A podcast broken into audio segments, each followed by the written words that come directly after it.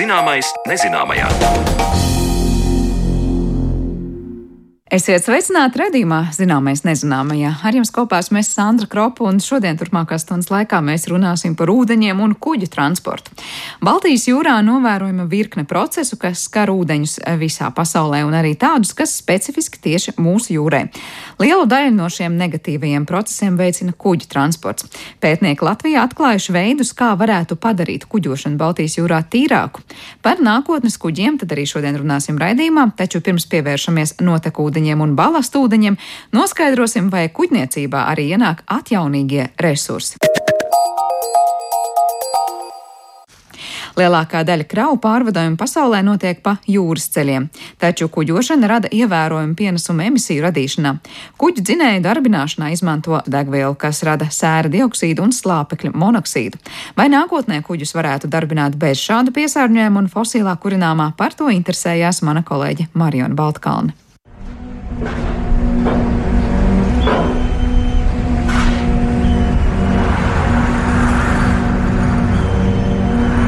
Apsakojumos par to, kuri transporta līdzekļi atstāja ietekmi uz vidi, vienmēr parādās lidmašīnas vai automašīnas, ar ko cilvēkiem iesaka pārvietoties mazāk.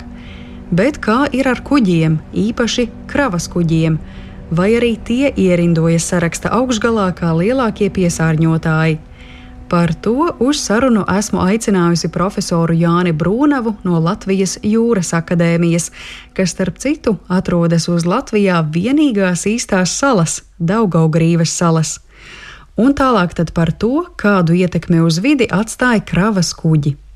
Tie var būt 3-5%. Pasaules kopējā nospiedumā tas nav tik daudz, bet tas nenozīmē, ka to nevajag cīnīties, kad nevajag eh, samazināt.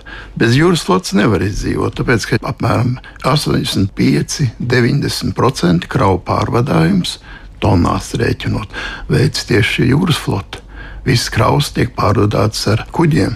Jo kuģi, piemēram, ja runā par CO2 izmešiem, kas ir globālā sasilšanās iemesls, tad, piemēram, lai pārvadātu teiksim, vienu tonu kilometru, jeb tam līdzīgi, tas ir apmēram 200 reizes mazāk.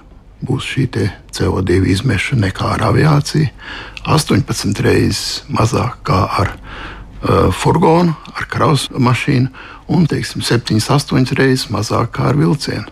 Tātad šis ir tieši ekoloģiskākais transports. Mm. Ir arī bez tāds CO2, ir vēl tāds viens, eh, kas saka, ļaunuma darītājs, jeb globālās sasilšanas efekta izraisošs, tās ir metāns. Bet bieži vien mēs aizmirstam, ka tas metāns tie tā ir tā dabas gāze kad mēs runājam par gāzi, dabas gāzi, un sakam, nu, ka tur ļoti labi un tam līdzīgi. Lietojot, teiksim, dabas gāzi, dedzinot dabas gāzi, mēs varam samazināt siltumnīcas efektu izraisošo CO2 par 25%. Bet metāns, 1% metāns, visu to kompensēs, jo metāns ir Tātad līdz 27% lielāku siltumnīcas efektu izraisošu. Mm. Protams, ir neliela niansīte, kad šī siltumnīcas efekta izraisīšana ar metānu tas ir apmēram 50 gadu griezumā, ar ogliskābo gāzi ir apmēram 100-120 gadu griezumā. Bet tas patreizējā vismaz esošā perspektīvā ir ļoti svarīgs. Ietekme tāpat ir par eh, izmešiem, kas iet roku rokā ar kravu kuģiem, tad eh, būtu skaidrs, un šeit ir runa par gaisa piesārņojumu. Savukārt, kad es pati vairāk domāju par kravu kuģiem, man īstenībā pirmā asociācija piesārņojuma saistībā būtu ūdens piesārņojums, dīzelis, eļļas. Kā ir ar šo, ja mēs no gaisa tagad pārceļamies uz ūdeni? Tā nav tik traki ja ievēro visas esošās normas un tehnika strādā normāli, mēs reāli nekādu daudz piesārņojumu neatstājam.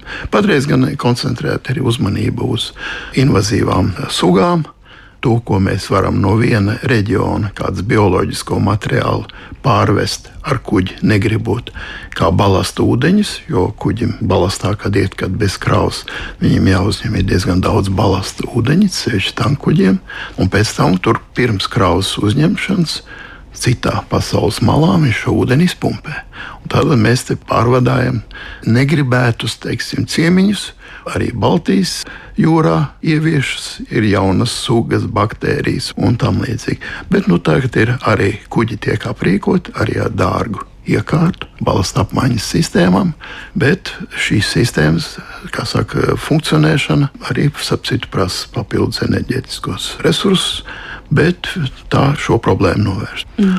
Tad sanāk, ka mēs vairāk runājam par tādu bioloģisko piesārņojumu, vēl konkrētāk šo invazīvo sugu radītu piesārņojumu, ne tik daudz ķīmisko, kas būtu dīzeļi, eļļas un citi faktori. Nē, ja? E, ar tiem faktiski ir jau tikts galā. No kuģa kuģis ir šī ziņā praktiski tīrs. Visas tās iekārtas ir pietiekoši perfekts un strādā. Ja vien, nu, protams, nav kaut kāda krimināla bezatbildība no ekipāžas. Mm. Runājot par dīzeli, arī jāmin, ka tas lielāku postu atstāja ne tik daudz ūdenī, bet atkal gaisā ar gaisa izmešiem. Tāpēc automašīnām uz sauszemes jau šobrīd pastāv iespēja pāriet uz elektromotoriem, bet kravas kuģiem, atcaucoties profesora teiktajam, tā vēl ir skaista perspektīva, par ko tiek domāts. Vēl attiecībā uz kravas kuģu atstāto nospiedumu varētu pieminēt arī citus ietekmes uz vidi faktorus, piemēram, sēra un slāpekļa oksīdus. Bet Jānis Brūnaus norāda, ka ar tiem cīņa ir vieglāka un ka ir pietiekami izstrādātas inženieru metodes. Vēl viens faktors kravas kuģu piesārņojuma saistībā ir šo kuģu izmēri. Ja literatūrā paraugās uz kravas kuģu evolūciju, tad redzams, ka kopš pagājušā gadsimta vidus līdz šim brīdim kravas kuģu izmēri ir nemitīgi pieauguši. Pat ja lielākais kuģis vēl nav uzcelts, tad drīzumā mēs varētu sasniegt robežu, kad lielāku kuģi uzcelt vairs nebūs iespējams. Tas saistīts gan ar to, ka visas ostas šādus milzeņus nespēja uzņemt, gan to, ka liela kuģa pielādē nepieciešams laiks, un to būtu grūti samērot ar vajadzību saulaicīgi piegādāt preces. Taču, ja uz šo jautājumu paraugāmies no vides aspekta, tad izskatās, ka lieli kuģi resursu taupīšanas nolūkos varētu tomēr būt izdevīgāki nekā daudzi mazi kuģi. Jānim Brūnevam vaicāju, vai tā patiesi ir. Jā, jums ir taisnība. Ar lielāku kuģi, ar mazākiem gan izdevumiem, gan ar mazāku vīdes piesārņojumu, attiecīgi var pārvadāt to pašu kravas daudzumu. Un, e, tāpēc kuģu izmēri auga, bet tam ir, protams, ostu ierobežojums, tam ir arī remonta doku ierobežojums. Un tātad šeit ir, mēs esam nonākuši pie optimālā kaut kāda izmēra. Lielākie ir naftas tankuģi, kas ir apmēram 250 eh, tūkstoši tonu. Un, eh, kā saka, optimizējās ka nav ne pa mazu, ne pa lielu. Jā, jā? ka nav pa mazu, ne pa lielu. Jūs jau pirmīt minējāt, kad runājām par dīzeļiem un eļļām, ka šī problēma ir uh, atrisināta, tad nu es arī mazliet precīzāk gribētu zināt, kas ir tie paņēmieni, tehnoloģijas, kas ienāk kuģu būvē, lai kravas kuģi atstātu mazāku nospiedumu uz vidi. Ir lūk šie akumulātori, uh, baterija jeb bateriju, bateriju taipu eh, kuģi, kuri patreizējās eh, pielietojamās litija baterijas, bet, ja to zinātnieki atrisinās, izstrādās kādu jaunu no esošām litija-jonu baterijām, efektīvāks, vieglāks, tad atvērsies jauni horizonti visās šīs jomās. Kad tiks izstrādāts līdz galam eksperimentālās, jau ir tā sauktās vanādija plūsmas baterijas, vanādiem flow baterijas, kurām ir tā, ka mēs izlādētu elektrolītu, izpumpējam un uzpumpējam no krasta uzlādētu elektrolītu. Mums nevajag viņu tā sacīt, tā kā elektromobīli lādēt, pieslēdzot pie tīkla. Mēs jau iepriekš krasta stacionāros apstākļos tonnām uzlādēt elektrolītu, iepumpējam kuģi, un pēc tam mums pietiek. Pēc projekta konteineru kuģis varētu reāli šķērsot Atlantijas okeānu ar uzpumpēšanu, teiksim, Azoru salās, kur būtu šī elektrolīta sagatavošana, un lūk, būtu šeit vēja parks, teiksim, salās, radīta būtu nepieciešamais daudzums enerģijas, un pēc tam kuģis piestātu un neuzņemtu dīzeļdegvielu, bet uzņem šos uzlādētos elektrolītus. Reālais ir ar šo uzlādi pa ceļam, bet nu, varbūt arī, kā saka, var arī pilnībā pašķērsot, un nemaz nerunājot par īsākas distances kuģiem. Piemēram, Norvēģijas fjordos jau e, brauc šādi kuģi, bet varētu teikt, nevis vanādī plūsmas elektrolīta, bet vienkārši ar uz litiju baterijām esošām. Dažādu iekārtu ražošana un kuģu modernizēšana, lai tie atbilstu vides prasībām, ir joma, kurā varētu specializēties Latvijas kuģu būves uzņēmumi. Bet kopumā jāsaka, ka vārdu salikums videi draudzīgs ir daudz plašāk analizējams. Turklāt tas, kas iespējams ir videi draudzīgs, ir pretrunā ar to, cik lielu telpu degvielai iespējams atvēlēt uz paša kuģa. To visu plašāk izskaidro Jānis Brūnaus. Ir vienmēr tāds parametrs, ja enerģijas densitāte. Cik lielu enerģiju mēs vienā tilpu vienībā varam ievietot. Un lūk, par šo enerģijas densitāti, diemžēl, čempions ir dīzeļdegviela. Un dīzeļdegvielas salīdzinot teiksim, ar šīm baterijām patreiz litiju 30 reizes lielāka enerģijas densitāte. Tātad baterijas 30 reizes lielāka tilpuma vajag. Ja salīdzina citus it kā enerģijas avotus, teiksim, to pašu dabasgāzi, jeb arī metanolu, arī uzskata par alternatīvām degvielām, tad piecreiz efektīvāks tomēr ir dīzels, ja salīdzina ar ūdeņradi, par kuru visi runā. Bet uh, tad ir septiņas reizes. Ūdeņradim vajag septiņas reizes vairāk vietas, pat ja tas ir sašķidrinātais ūdeņradis. Un par ūdeņradi ir interesants stāsts. Mēs bieži vien to neatšķiram, kas ir degviela un kas ir enerģijas avots. Degviela, ūdeņradas sadedzinām, iegūstam brīnišķīgi, nekāda vidas piesārņojuma. Bet kā mēs viņu iegūstam? Jo to ūdeņradi, lai radītu, mums vajag enerģijas avotu. Nu, tukša gaisa jau tas neradīs. Jā, jā, un ja mums tas enerģijas avots ir pilnīgi zaļš, vējš, straumes, saule, tad viņš ir zaļš. Un reāli jau šobrīd uh, ūdeņradi joprojām vairāk iegūst caur tiem fosiliem kurināmiem. Iegūstam, jā, caur fosiliem kurināmiem.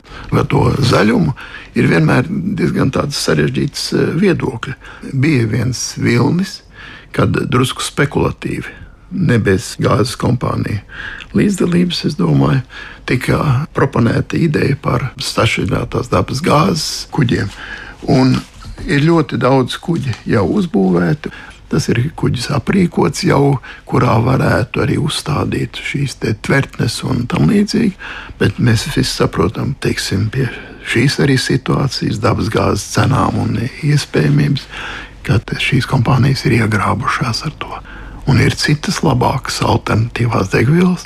Tās ir lūk, šīs pirmais trīnieks - amoniaks, glicerīns un metanols. Arī kuģi jau ar šīm eksperimentāli strādā, industrija mēģina gūt pieredzi. Bet ir tas, ka šīs trīs vielas iegūstot, ar to saucamo gāzes reformēšanu, gas reforming, jā, ka mums tik un tā jāpievieno ūdeņradis. Mm. Un šis ūdeņradis ir, protams, jāiegūst, ja mēs gribam būt zaļi, zaļā veidā. Mm. Nu, tad mums mēs nonākam pie saknēm.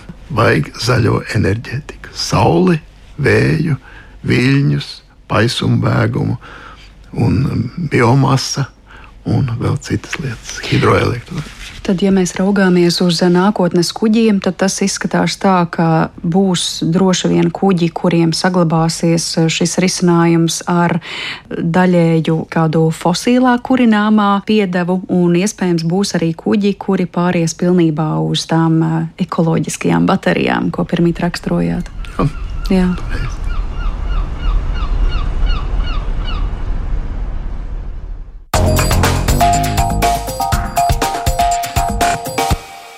Tik tālu par nākotnes enerģiju kuģu darbināšanā, bet par to, kā ar kūdras filtriem varētu attīrīt kuģu notekūdeņus un arī balastūdeni, saruna raidījuma turpinājumā.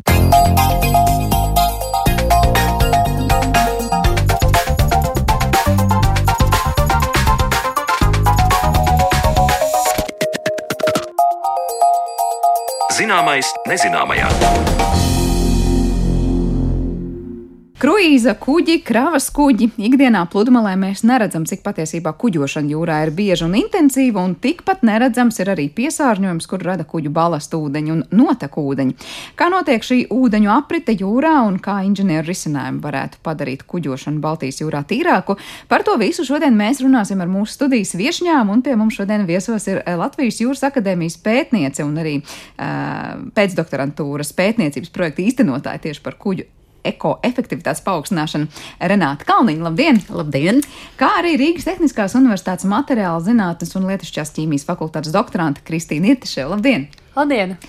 Sākšu ar to, cik ļoti nu, netīra ir tā jūra, ja mēs runājam šoreiz tieši par tiem notekūdeņiem un balastu ūdeni, kas eh, nu, nāk tiešām no kuģniecības sektora. Jo parasti mēs runājam šeit par pludmales atkritumiem, par to, ko mēs atrodam arī ūdens masā, un tad nu, daudz saka, daudz nāk no kuģiem pētījumi rāda, ka no kuģiem tur tā salīdzinoši mazākā daļa, bet tas, kas notiek ar kuģu radītajiem notekūdeņiem un arī līdzi atvesto balastu ūdeni, gan ir mazliet cits stāsts. Uh, Renāta, varbūt sākšu ar jums ieskicējot uz situāciju.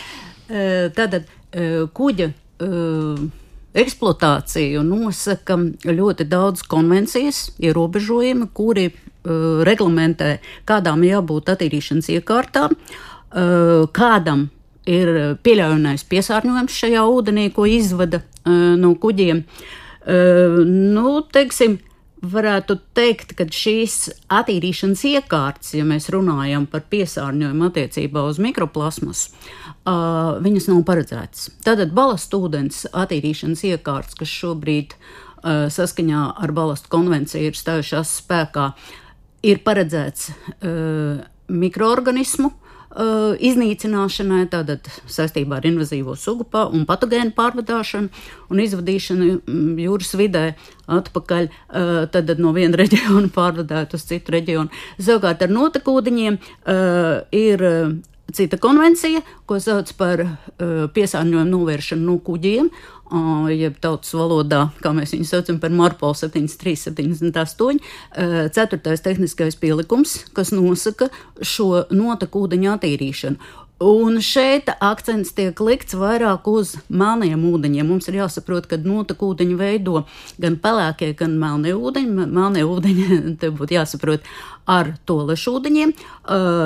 Bet uh, savukārt pelēkie ūdeņi, tie ir mazgājumie ūdeņi, tie nāk no virtuvēm, kambīzēm, tātad uh, sadzīves ūdeņi. Jā, dušām, jā, tieši tā. Un uh, šie ūdeņi, mm, ja mēs skatām tīri no uh, konvencijas uh, ierobežojumiem, tur netiek uh, precīzi reglamentēts, kādam piesārņojuma daudzumam vajadzētu būt nu, tā atļaujamā norma. Tad tas viss akcents tiek uz to lešūdeņiem, jo to lešūdeņu satur ļoti daudz šīs um, eitrifikācija veicinošās vielas, fosfors un slāpeklis. Ja?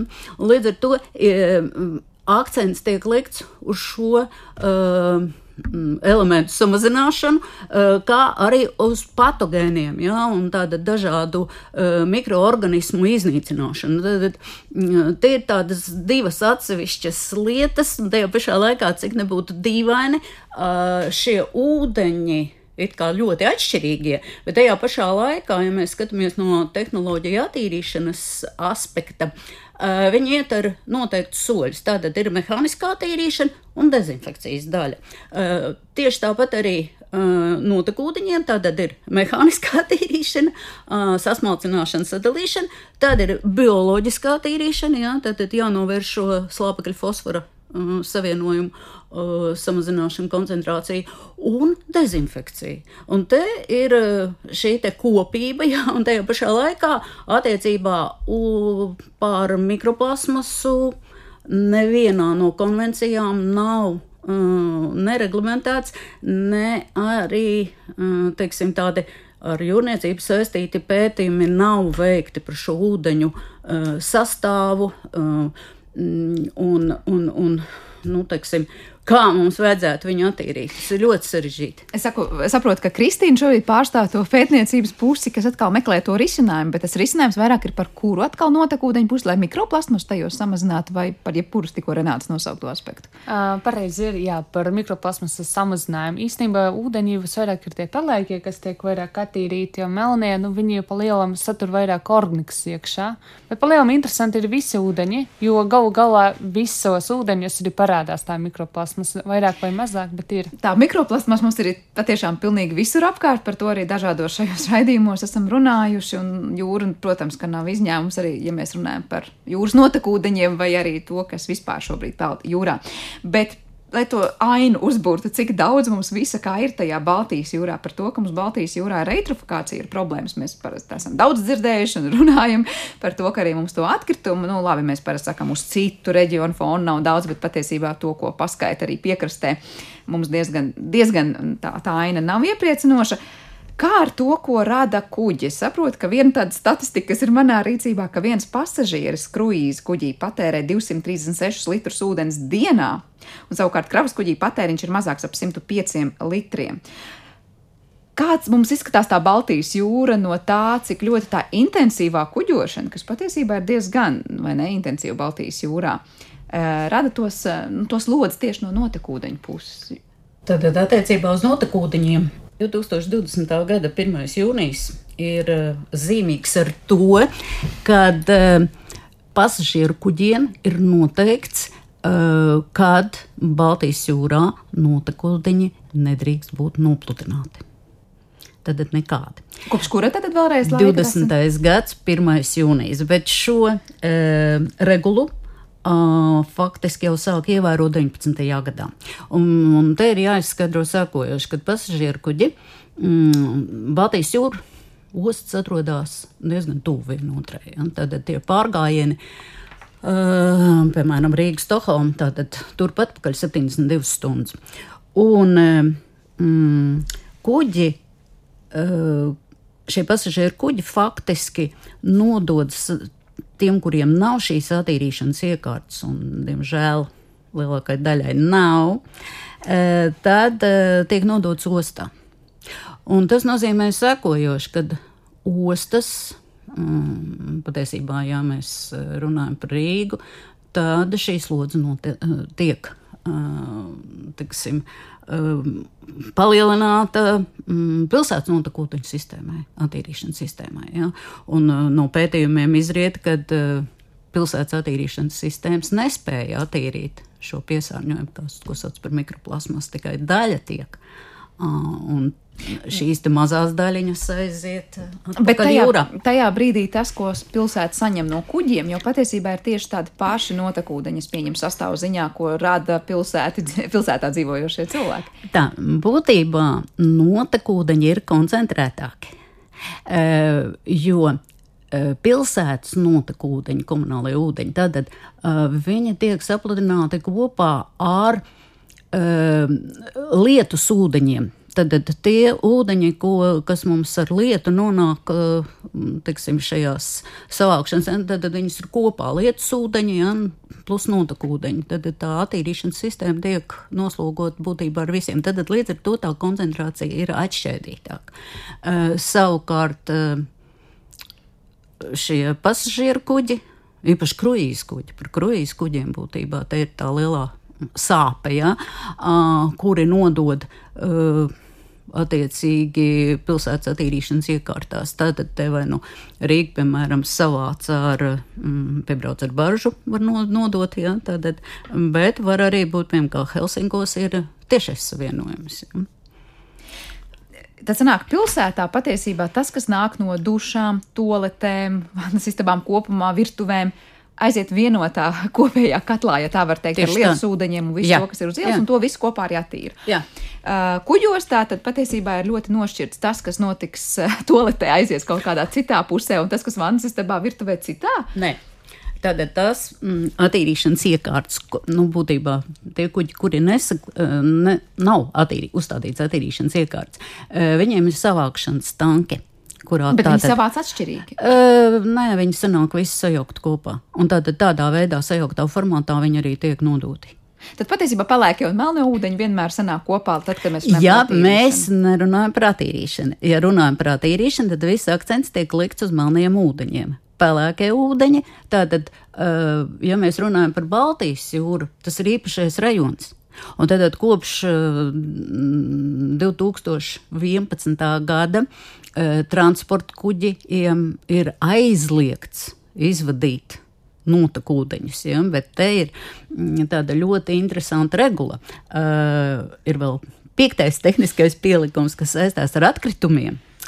Un šeit ir interesanta tāda lieta, kad sasmalcināti pārtiks atkritumi uh, var tikt izvadīti ūdenī. Uh, tad aiz borta. Un šeit ir jāpiemina vēl viena tāda lieta, kad uz kuģiem mēdz būt sasmalcināšanas iekārtas zem izlietnēm, kur tiek sasmalcināta pārtikas mm, atliekas. Un, ja šīs pārtikas atliekas tiek sajauktas ar gambīzes ūdeņiem uh, un pelēkajiem ūdeņiem, tad šādu uh, maisījumu var izvadīt ārpus uh, borta, bet ar noteikumu, ka ne tuvāk kā 12 jūras jūdzes no tuvējā krasta. Nu, tas, protams, lai būtu pietiekoši dziļums, kur tas varētu Jā. sajaukties Jā, un it kā pasargāt to piekrasti. Bet, ja tie pelēkie ūdeņi ir pilni ar mazgāšanas līdzekļiem, kas varbūt satur mikroplasmas, tad mēs tur to buķeti ieraugām, vai ne? Diemžēl mums ir jāatzīst, ka ne tikai mikroplasmas, ja, mazgājumie ūdeņi var arī mm, īpaši pasažieru kuģi. Uh, tur ir ļoti daudz dezinfekcijas līdzekļu, kuru sastāvā ir nebūt ne uh, tik uh, labas vielas. Tad ja, patiesībā tas, ka konvencija, laikam, kas to nosaka, vai šis pielikums, kas ļauj sajaukt tos kopā ar pelēkiem ūdeņiem, būtu it kā nu, pretrunā ar labas Eh, vidas stāvokli. Tur jūrā. būtībā ir um, nu, teiksim, nepilnības likumdošanā. Un te ir jāsaprot, ka tie pelēkie ūdeņa apjoms pelēkiem ūdeņiem ir milzīgs salīdzinoši ar melno ūdeni. Ja? Teksim, eh, bet es negribu teikt, ka eh, visas attīrīšanas iekārtas sastāv tikai no melnā ūdens attīrīšanas. Ir, protams, arī tiek piedāvātas attīrīšanas iekārtas, kuras var attīrīt arī pelēkos ūdeņus. Ja vien tas- šīs iekārtas ir uz kuģi, Jā, kuģis protams, ir tiek jauns, ir uzstrād- aprīkots un um, Te ir, te ir daudz citi aspekti, eh, kurus no iekārtām Mēs izvēlēsimies. droši vien parunāsim citādi. Kristīna vispār netiks pie vārda šodien. Es Kristīnai gribēju vaicāt par to ideju, kas izklausās ļoti, ļoti interesanti. Es saprotu, ka ir ideja vai jau tiek radīts no kūdras filtrs, lai attīrītu šos notekūdeņus um, no tieši mikroplasmas un, var teikt, nu, izķertu uh, mikroplasmas, kamēr tā vēl, vēl nav nonākusi jūrā. Kristīna, varbūt izstāstīt par to ideju, kas tas tāds īsti ir. izstāstīšu nedaudz par savu daļu, jo pašu filtru veido Renāta Kalniņa, bet man ir tas gods ielikt ar nedaudz savu roku klāt ar kūdras uh, saturu, tiksim tā.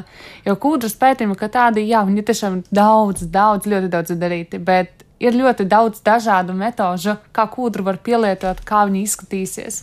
Un šajā gadījumā mēs izmantojam tieši šķiedru, izmantojam arī to atlikumu, kas ir pēc, pēc sajaukšanas, pēc sasmalcināšanas, līdz ar to tur daļiņas ir vēl smalkākas. Un ideja bija tāda, ka kūdra, ņemot vērā, ka viņa ir šķiedraina, viņa varētu arī paķert līdzi no mikroplasmas tādas daļas, kas arī būtu šķiedrainas un sakombinēties.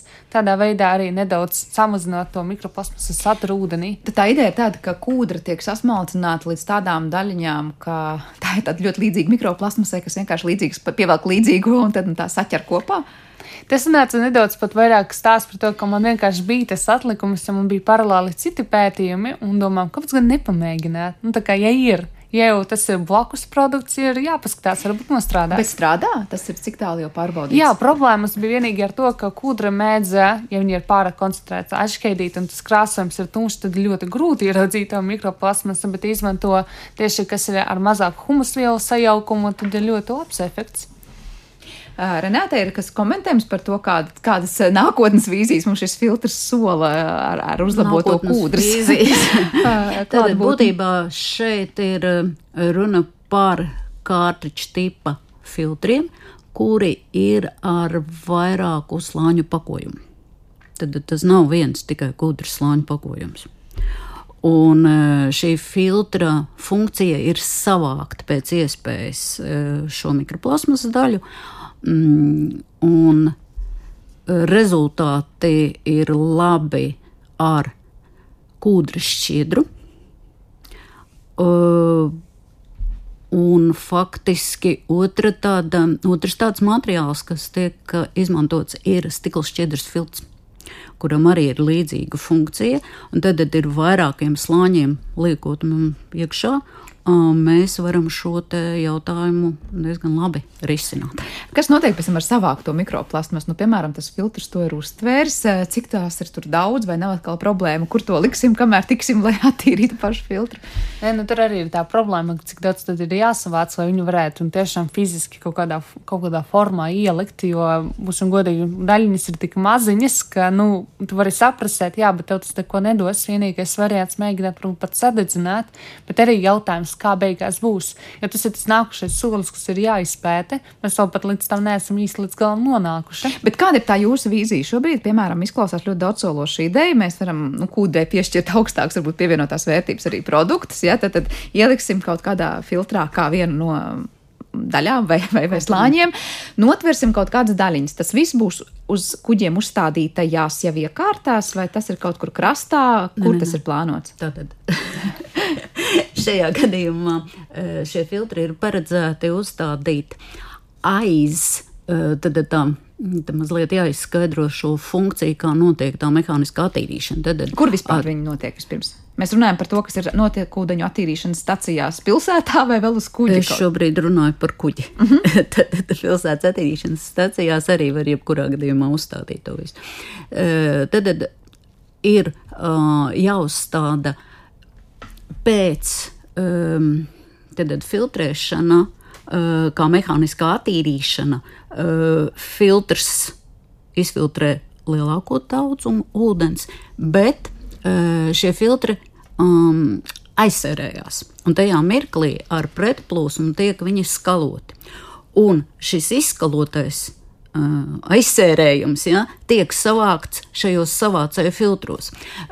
Doma tieši tā, kad šos savācēju filtrus varētu tālāk izmantot, piemēram, cita materiāla. Tāpēc šo filtru kārtiķi šobrīd tiek izgatavoti no uh, uh, polipienas kāpes, tad tā ir mm, zināmā mērā biodegradējama plasmas. Uh, tad ir plasmasa, kura savāks atkal plasmasu, un šo plasmasu mēs varētu pārstrādāt citā produktā. Kur, nu, tas ir jāizdomā līdz galam. Lāpsta, teiksim, aizsarg ķīverē, ja? tātad tur, kur viņu ieslēgt to mikroplasmas iekšā. Uh, varbūt arī teiksim, jauni materiāli, kur mēs iestrādātu šo. Jo sadedzināt, nu, tas, tas nav tas aprits ekonomikas labākais no, risinājums. Bet apmēram, kad jūs saredzat vispār kaut ko tādu reālajā dzīvē strādājam? Es saprotu, šobrīd tā ir pētniecības stadija, tās ir idejas, tā arī izskatā, izskan vēl idejas, ka jādomā, ko ar to tālāk darīt. Kāds ir tas laika posms uz priekšu, cik jūs skatāties? Man zināms, pieņemsim, es tikko atgriežoties no Milānas, tur ļoti veiksmīgi zinātnieki, kas vairāk pēta veļas mašīnas iekārtas sistēmu. Viņi teica tā, ka viņi ir mēģinājuši izveidot filtru, bet lielākai mikroplasmasas savākšanai tas ir daļiņas no 0,5 mm un augstāk. Un tad viņam arī ir tā ideja, ka tur tiešām var saprasēt un iedot kaut kādu formu mikroplasmasai. Bet šeit mēs diemžēl runājam par daļiņām, kas ir stipri mazākas nevar uzreiz tā burtiski iztēloties, kā tas būs, bet labā ziņa ir tāda, ka ļoti lielas organizācijas ir apvienojušas, lai izstrādātu metodiku, kā attīrīt ūdeņus no mikroplasmasas, gan no par sadzīves ūdeņiem runājot, gan arī par uh, kuģi ūdeņiem runājot. Tas ir divas dažādas uh, joslas, bet ja vismaz viena no tām būs izstrādāta metodika, jau būs nedaudz vieglāk, jau būs kaut kāds atspēriena punkts. Kamēr tas īsti vēl nav nu, sagājis kopā, nav tās metodikas, grūti paredzēt īstenībā, kā tas būs. Tas ir vairāk metodika par to, ko darīt ar savākto, bet par to, kādiem filtriem jābūt. Tas, ka tur, piemēram, kūdrai ir sava vieta, tas ir tāds Latvijā radusies ideja un kaut kas jauns. Tas, tas ir Latvijā, jā. Jā. Jā. Ir jau kaut kādas vēsmas no kolēģiem citās valstīs, kas saka, o, tas ir daudzsološi, vai mēs arī skatāmies tajā virzienā. Nē, man kolēģi vairāk tic tehnoloģijām, tic kaut fizikai, spējas atrisināt visu, tur ar centribētas spēkiem, tam līdzīgām lietām, bet te pašā laikā, nu, mums ir tādas domstarpības, ka, nu, tāds, kā es teiktu, kā skrēt, nu, kurš tad būs pirmais no sērijas, ir interesanti saprast, kā tad īsti atrisināsies šis jautājums, jo viņš tiek pētīts vairāk nekā 20 gadus īstenībā. tiešām 20 gadus jau zina visu par mikroplasmasu, bet atrisināts tas vēl nav. Līdz ar to grūti pateikt, vai tas būs rītdien. nu, rītdien droši vien tas noteikti nebūs, bet katrā ziņā tas ir varbūt kāda ideja, ja tā sevi pierāda, kas atkal nāk par labu un varbūt ir kaut kāds Latvijā radīts inovatīvs risinājums. Ko, Jā, ko uz to mēs arī ejam un viennozīmīgi strādāsim pie tā tālāk, jo kūdras resurss, ka tāds, nu, kā es jau pirms tam, man liekas, entās reizes minēju, ka ir maz novērtēts, ka tā pievienota vērtība ir tik zema Kaut gan mēs varam iedot daudz ko vairāk, un uz to arī iet, ka, ja mēs spēsim vismaz tādā veidā pierādīt, kā var izmantot dabas resursus, ne tikai kūdru, jebkuru dabas resursu var izmantot savveidīgi, jo katrs dabas resurs atkal izpilda savu funkciju. Te vienkārši ir jāatkārto tas. Tik tālu mēs esam runājuši par šiem noteku ūdeņiem. Ja mēs runājam par kuģiem, tad kas rodas gan uh, toaletēs, gan vannas istabās, gan virtuvēs, gan daudz kur citur. Es saprotu, ka tiešām šķiedra veido līdz pat 90% no visiem vidē nonākušiem notekūdeņiem. Tad patiesībā mazgāšanas process, tekstilu mazgāšanas tur ļoti, ļoti daudz mikroplasmas, un, kā jau Kristīna teica, arī veļas mašīnas patiesībā ir tā vieta, kur mēs ļoti gaidām dažādus filtrus, kas, kas ļautu uzlabot to procesu. Kā ir ar balastu ūdeni? To atkal klausītājiem likšai zaus ne, nelikt lietas vienā maisā un kopā parasti Balastu notekūdeņus eh, daudz klausītāju sasaist kā vienu vienotu. Tad balastu ūdens kaut kur paņēmām vienā jūrā, atvedām uz citu jūru. Uh, tur lielākā problēma ir atvest to, ko Renāta pirms laika teica, tad šos te organismus, ja, un tās citas sugas, kā arī patogēnus. Kā tur ar to mikroplasmas, vai mums jau šobrīd ir skaidrs, cik daudz mikroplasmas satur šādi kaut kur citās jūrās paņemtu ūdeņu? Jā, nu, veiktie pētījumi liecina par to, ka arī balastu ūdens uh, satur.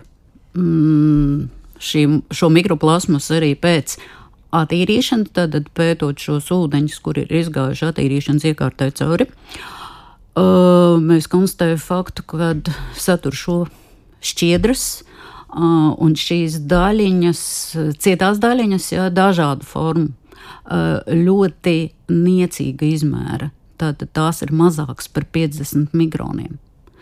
Uh, protams, mm, te ir jāatzīmē sekoša lieta, ka mikroplasmasai ir.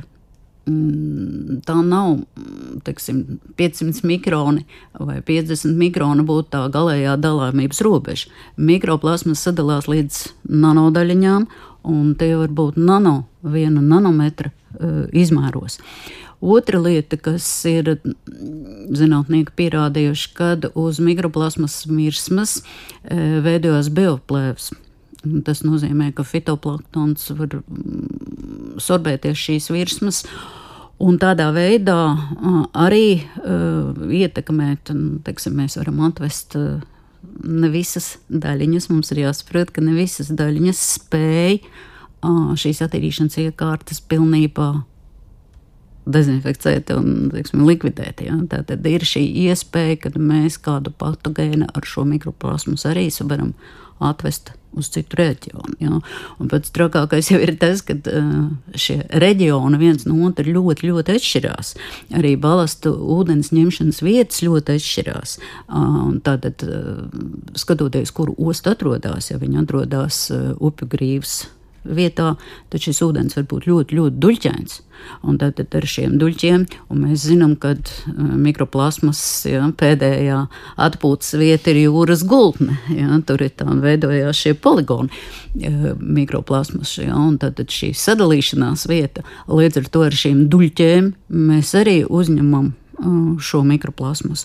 Viena no tādām mm, ostām ir Bordeaux osta, ja, kur ir duļķainība ļoti augstā līmenī. Ja, tad tas nozīmē to, ka ar šo duļķainu ūdeni mēs arī aizsērējam šos filtrus, tieši tāpat mehāniskā filtrēšana. Ja. Un tad līdz ar to šo filtru darbība ir nu, tā vājā vieta. Un otram kārtām mums ir jāsaprot, ka balas ūdens apstrāde notiek ļoti, ļoti ātri jāveic, jo tā ir saskaņota ar kraušanu. Jo nevienam kuģim nav izdevīgi atrasties ilgāk ostā. Nu, protams, tad kuģiem vispār jau balas ūdeņa attīrīšana laikam ir tāda nu, papildus izmaksa ja, un papildus um, prasība. Un kamēr tā, tā šobrīd ir obligāta vai tā šobrīd rekomendēšana? Tā ir obligāta. 20, 2024. gads, 17. septembris ir pēdējais, nu, varētu teikt, datums, kad uz visiem kuģiem būtu jābūt uzstādītām attīrīšanas ierīcēm. Tad jaunajiem tās jau ir, un vecajiem tās ir jāliek vienkārši klāt. Jā. Tā ir lielākā problēma, jā, jo vecie kuģi nav paredzēti šādām iekārtām, un tās ir papildus izmaksas, un tur arī lielākās problēmas veidojās uz jauniem kuģiem, kuriem ir paredzēts, šī problēma ir mazāka. Mēs te sakām patogēni, patogēni, sauksim varbūt lietas īstajos vārdos, un brīžiem tādu nu, saprotamāk, ka brīžiem cilvēks sas, sarosās un sabīstās, ka varbūt holēru var atvest un daudz citas slimības. Holēra ir tā slimība, ko tiešām mērā var balastu ūdens atvest. Būtībā holēra ir, mm, ir viens no rādītājiem, eh, kas tiek uz, uzskaitīts eh, pie balast ūdens kvalitātes attīrīšanas. Bet eh, arī man bija tāds mazs pārsteigums, būdama kā postdoktorante mobilitātes vizītē Klēpēdas jūras pētniecības centrā. Uh, un runājot ar uh, jūras mikrobiologiem, uh, man skaidroja, ka arī ir labas holēras, kas man izraisīja ļoti lielu izbrīdi, jo mm, tieši tā arī es uztvēru holēru kā ļoti, ļoti bīstamu.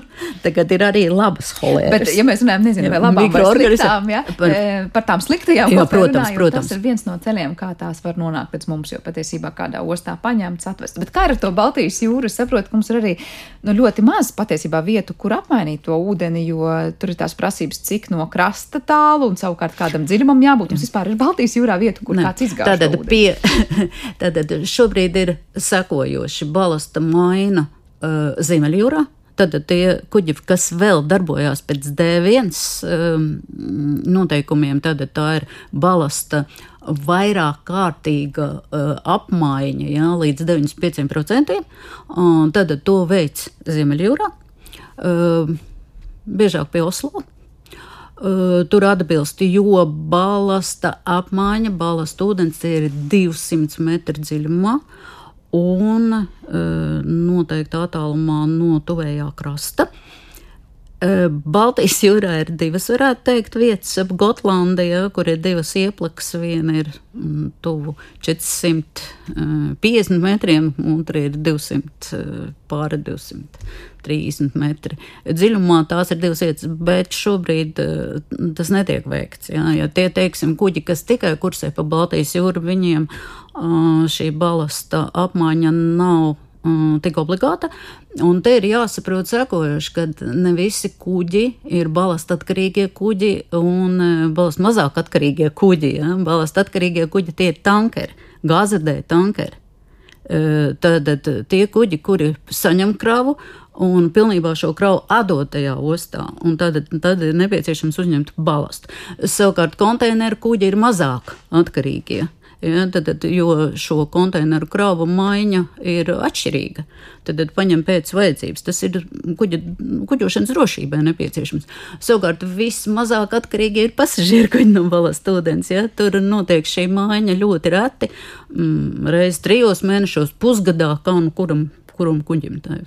Bet Baltijas jūras kontekstā tad jautājums, kur mums ko satraukties, ja patiesībā Baltijas jūrā nemaz tā īsto balastu nemaina, to izdara jau pirms ienākšanas Baltijas jūrā, Ziemeļjūrā, protams. Jā, jā. Tad Jā. mums patiesībā viss tas par to attīrīšanu, neizlaišanu, sugu kontroli vai mikroplasmas kontroli ir aktuāli.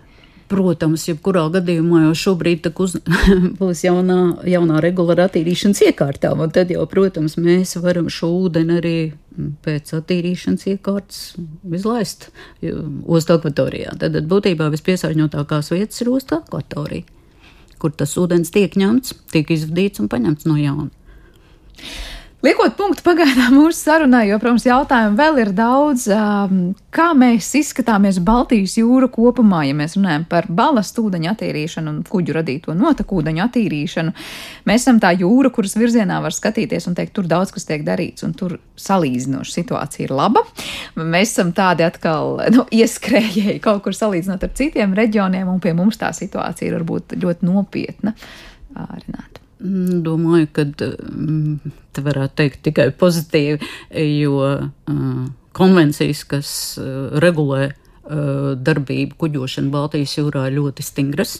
Un Baltijas jūra ir viens no īpašajiem rajoniem un notekūdeņu prasības nebūtu nav tādas citos reģionos. Tad Baltijas jūru mēs varam salīdzināt ar um, teiksim, Aļaskas reģionu polārais, nu, tad, tas ir jauns kodeks, jau polārais kodeks, tad, tad Antarktīda, ja tā daļa Baltijas jūra ir tikpat uh, saudzējoša uh, kā īpaša jūra ar iesāļu ūdeni. Jā. Tā kā es negribētu teikt, ka Baltijas jūra būtu nu, teiksim, no kuģa. Tāda kuģošanas viedokļa tik ļoti, ļoti apdraudēta. Ja? Bet, protams, Jebkurā gadījumā jaunās konvencijas, jaunās prasības attiecībā uz eh, pasažieru kuģiem, kam ir ļoti būtiska nozīme, mhm, ir, ir, ir spēkā stājušās. Un Un liek, pieprasības. liek radīt jaunas idejas un domāt, un arī zinātniekiem nākt kopā un skatīties, kā mēs varam uzlabot to situāciju. Kristīna, tas noslēdzošais vārds ir, kā Baltijas jūras reģionā zinātnieki daudz var just runā un domā par to, kā radīt, eh, nezinu, kādus materiālus vai kādus filtrus vai kādas citas tehniskās ierīces, kas ļautu tos eh, notekūdeņus un citus ūdeņus attīrīt. Nu, man vispilgtākā pieredze tam ir Renāta Kalniņa, bet līdz šim, godīgi sakot, es pat nebiju zinājis, ka Baltijas jūrā ir līdzvērtīgas uh, pasaulē problēmas par mikroplasmas vai kā notiek tā attīrīšana. Godīgi sakot, bija nedaudz pārsteigta, ka zinātnieki pa lielam mēdz tomēr noklusēt un neizstāsta par saviem sasniegumiem vai par saviem pētījumiem. Kāpēc šī komunikācija ir tik zemā līmenis īsti nevarēšu pateikt, bet es cenšos tagad atrast cilvēkus, kas arī ar to nodarbojas. Uh, pašlaik es vairāk skatos cilvēkiem, kas ir gruntsūdeņiem vēl ņemās, jo Šis arī ir ļoti svarīgs jautājums, ņemot vērā klimata pārmaiņas un gruntsūdeņu ūdens līmenis samazinās. Viss īstenībā kopā ļoti spilgti sasienas, un vienā skaistā momentā mēs arī nonāksim pie tā kopvārdu, tā teikt, un mēģināsim to problēmu risināt diezgan augstā līmenī. Jā, nu ir vairāk kā skaidrs, ka kopā noteikti sanāks dažādi jomu zinātnieki, un es pieņemu, ka tā komunikācija jau arī notiek, un es domāju, ka nav jau tā, ka zinātnieki nestāsta vai, vai tur sveci zem pūru un, un, un nedalās tajā, pie kā viņi strādā, bet, nu, protams, tikties, runāt par to, meklēt risinājumus nekad nav par daudz. Paldies jums abām par šo sarunu. Es atgādināšu, ka Latvijas Jūras akadēmijas pētniece Renāta Kalniņa, kur īsteno arī pēcdoktorantūras pētniecības projektu par kuģu ekoefektivitātes paaugstināšanu, kā arī Rīgas Tehniskās Universitātes materiāla zinātnes un lietišķās ķīmijas fakultātes doktorante Kristīna Irtiševa bija ar mums kopā šajā raidījuma pusstundā. Ar to tas arī ir izskanējis, un paldies par to producentē Paulai Gulbinskai. Mūzikas redaktors šai stundā bija Girds Bišs, Kristīna Dēla bija skaņu režijā un es Sandra. Sandra Kropa ar jums kopā studijā. Mēs tiekamies jau atkal rīt. Visu labu!